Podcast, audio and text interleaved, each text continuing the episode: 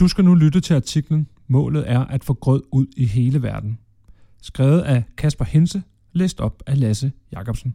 Det er mig. Da Lasse Skjønning Andersen for godt 10 år siden åbnede en lille grødrestaurant i gadeniveau, havde han aldrig forestillet sig, hvilken dundrende succes han iværksatte. I dag har han skabt et nyt blik på, hvad grød kan være, og har åbnet flere restauranter. Nu går turen så ind i detailbranchen med store visioner, men også med et behov for hjælp.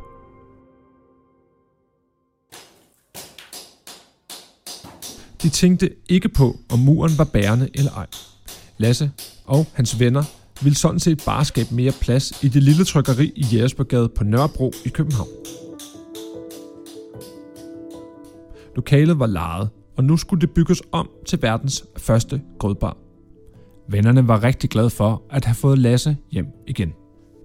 Han var i starten af 20'erne og netop droppet officielt ud af en musisk bacheloruddannelse i London. Nu stod de altså her og hamrede løs på en væg, mens tankerne fløj om ørerne på Lasse. Hans familie var ikke begejstret for grødideen. Den eneste, der mente, at det faktisk var en god idé og lød spændende, var hans onkel. Han havde altså bare lige foreslået, at det der med grød jo kunne kombineres med sushi. Det vidste man jo i hvert fald, at folk gad at købe. Mens murbrokkerne faldt af væggene, blev Lasse og company pludselig afbrudt i både slag og tankestrøm. En ingeniør bankede på roden og trådte ind i de sænkede lokaler. Han spurgte, om vi havde styr på afstiver og alle de der beregninger, man skal have for at banke en bærende væg ned. Vi anede ikke, hvad han snakkede om, men jeg lyttede til ham, og vi stoppede med det samme, siger Lasse her godt 10 år senere og slår en stor latter op. I dag er grød et mindre imperium på det danske madmarked. Lasse har åbnet 10 butikker og en webshop, har fået sine produkter ud hos blandt andre 7-Eleven, Føtex samt Irma, og har til med også udgivet en kogebog om sin store passion. Mens han fortæller om vejen hertil, spiser han. Der er ikke et sekund at spille for en travl iværksætter. Det er grøds egen chicken congee, der nydes. En asiatisk risgrød med økologisk kylling, toppet med peanuts, koriander, soja, sesamolie og en smule forsløg. Jeg var 21, da jeg startede grød, og jeg havde nærmest ikke haft et arbejde før. Der var ikke nogen i min familie eller i mit netværk, der var gået i. Min far er for eksempel professor i sociologi, og han prøver stadig at få mig til at tage en uddannelse. Og derfor var det måske også nok mere held end forstand, at jeg kom i gang. Havde vi brudt den væg ned, var vi formentlig aldrig kommet videre, for så havde jeg jo skyldt virkelig mange penge væk, siger han, og forklarer, at han nu tror, det har været en fordel for ham, at han ikke har brugt mange år på det selvstændige skolebænk, inden han gik i gang med sit grødprojekt. Der findes jo ikke en manual for at åbne en restaurant. Du kan sikkert lære alt muligt om Excel-ark på Handelshøjskolen, men at ombygge et gammelt trykkeri i Jægersborgade til en grødrestaurant er der altså ingen klare retningslinjer for. De fleste tænker nok først og fremmest på en smattet havreblanding med fedtet frugt eller noget sukker ovenpå, når de hører ordet grød. Hvis ikke, skyldes det formentlig, at de har været forbi en af Lasses restauranter, eller har hældt kogende vand på de elegante instant portioner, som kan købes med grøds signatur rundt omkring. Jeg startede også selv med havregrød. Rigtig meget havregrød faktisk, siger Lasse, og kører hånden igennem det kortklippede hår, mens han fortæller, at grødinteressen begyndte, da han besluttede sig for at lægge sit liv om.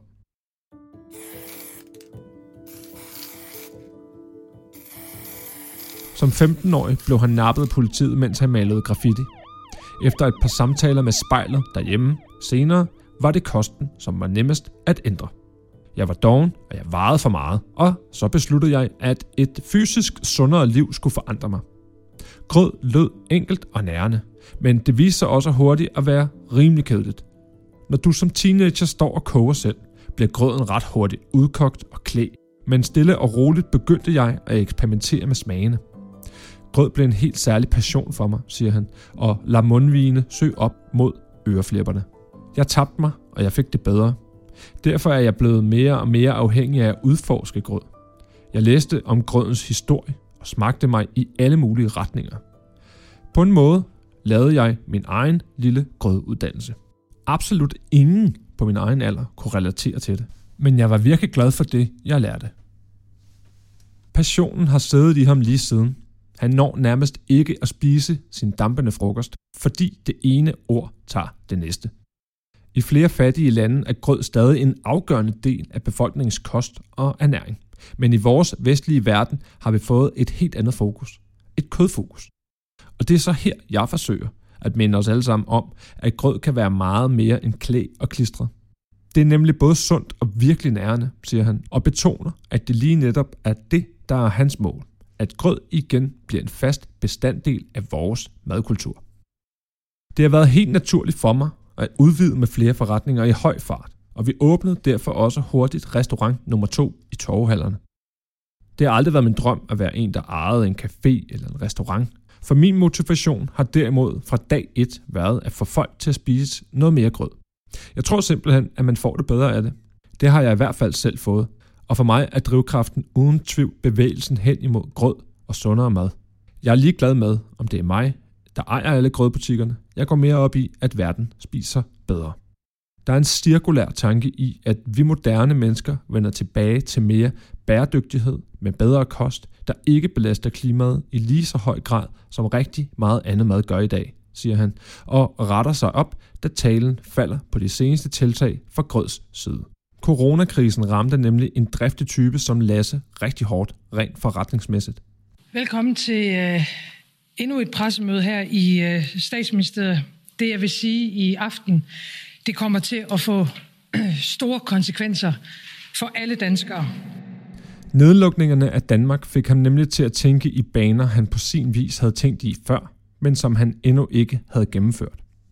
Jeg har haft så travlt med at bygge butikker op, at detaljideen har været sat lidt på pause. Selvom vi allerede i 2013 begyndte at sælge instantgrød i 7-Eleven, har detaildelen stået lidt stille, indtil nu i hvert fald. Erkendelsen er, at vi må satse mere i den retning, men det er en rigtig svær mekanisme at få greb om. Detailsalg er nemlig noget helt andet end at lave grød i restauranter. Der er kæmpemæssig forskel på, at du møder en gæst, der bestiller en portion grød, og så fremstille et produkt, som står på en hylde med mange tusind andre varenumre. I restaurationsbranchen handler det ofte om personlighed og kreativitet. Detailhandlen ser ofte verden igennem et Excel-ark. Lige netop her har han været overordentligt glad for den hjælp og bistand, GS1 har ydet. Coronapandemien har fremprovokeret, at vi har fået sat turbo på detaildelen. Men det er også nødvendigt, synes jeg. Grød skal ikke kun være et hipsterprodukt i storbyen, men derimod noget sundt og nærende til alle mennesker. Når drømmen er, at flere skal spise sundere, skal gråden også ud til så mange som muligt. Derfor er detaildelen jo virkelig vigtig.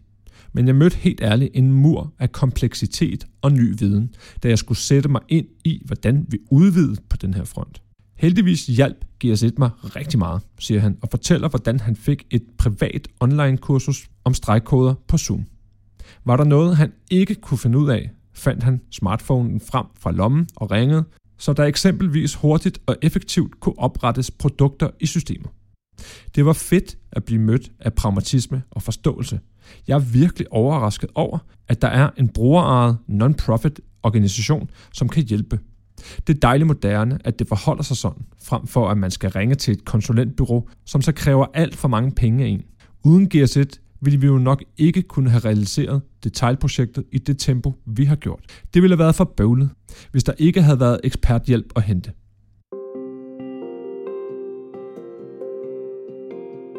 Lasse er ikke en mand, der lægger mange planer år ud i fremtiden.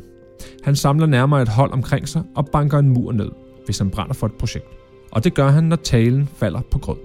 Men han er også blevet bedre til at lytte til folk, der ved mere, end han selv gør. Alligevel har han nu stadig masser af drømme om, hvad grød skal vokse op og blive til, når det lille madmekka har eksisteret i yderligere 10 år.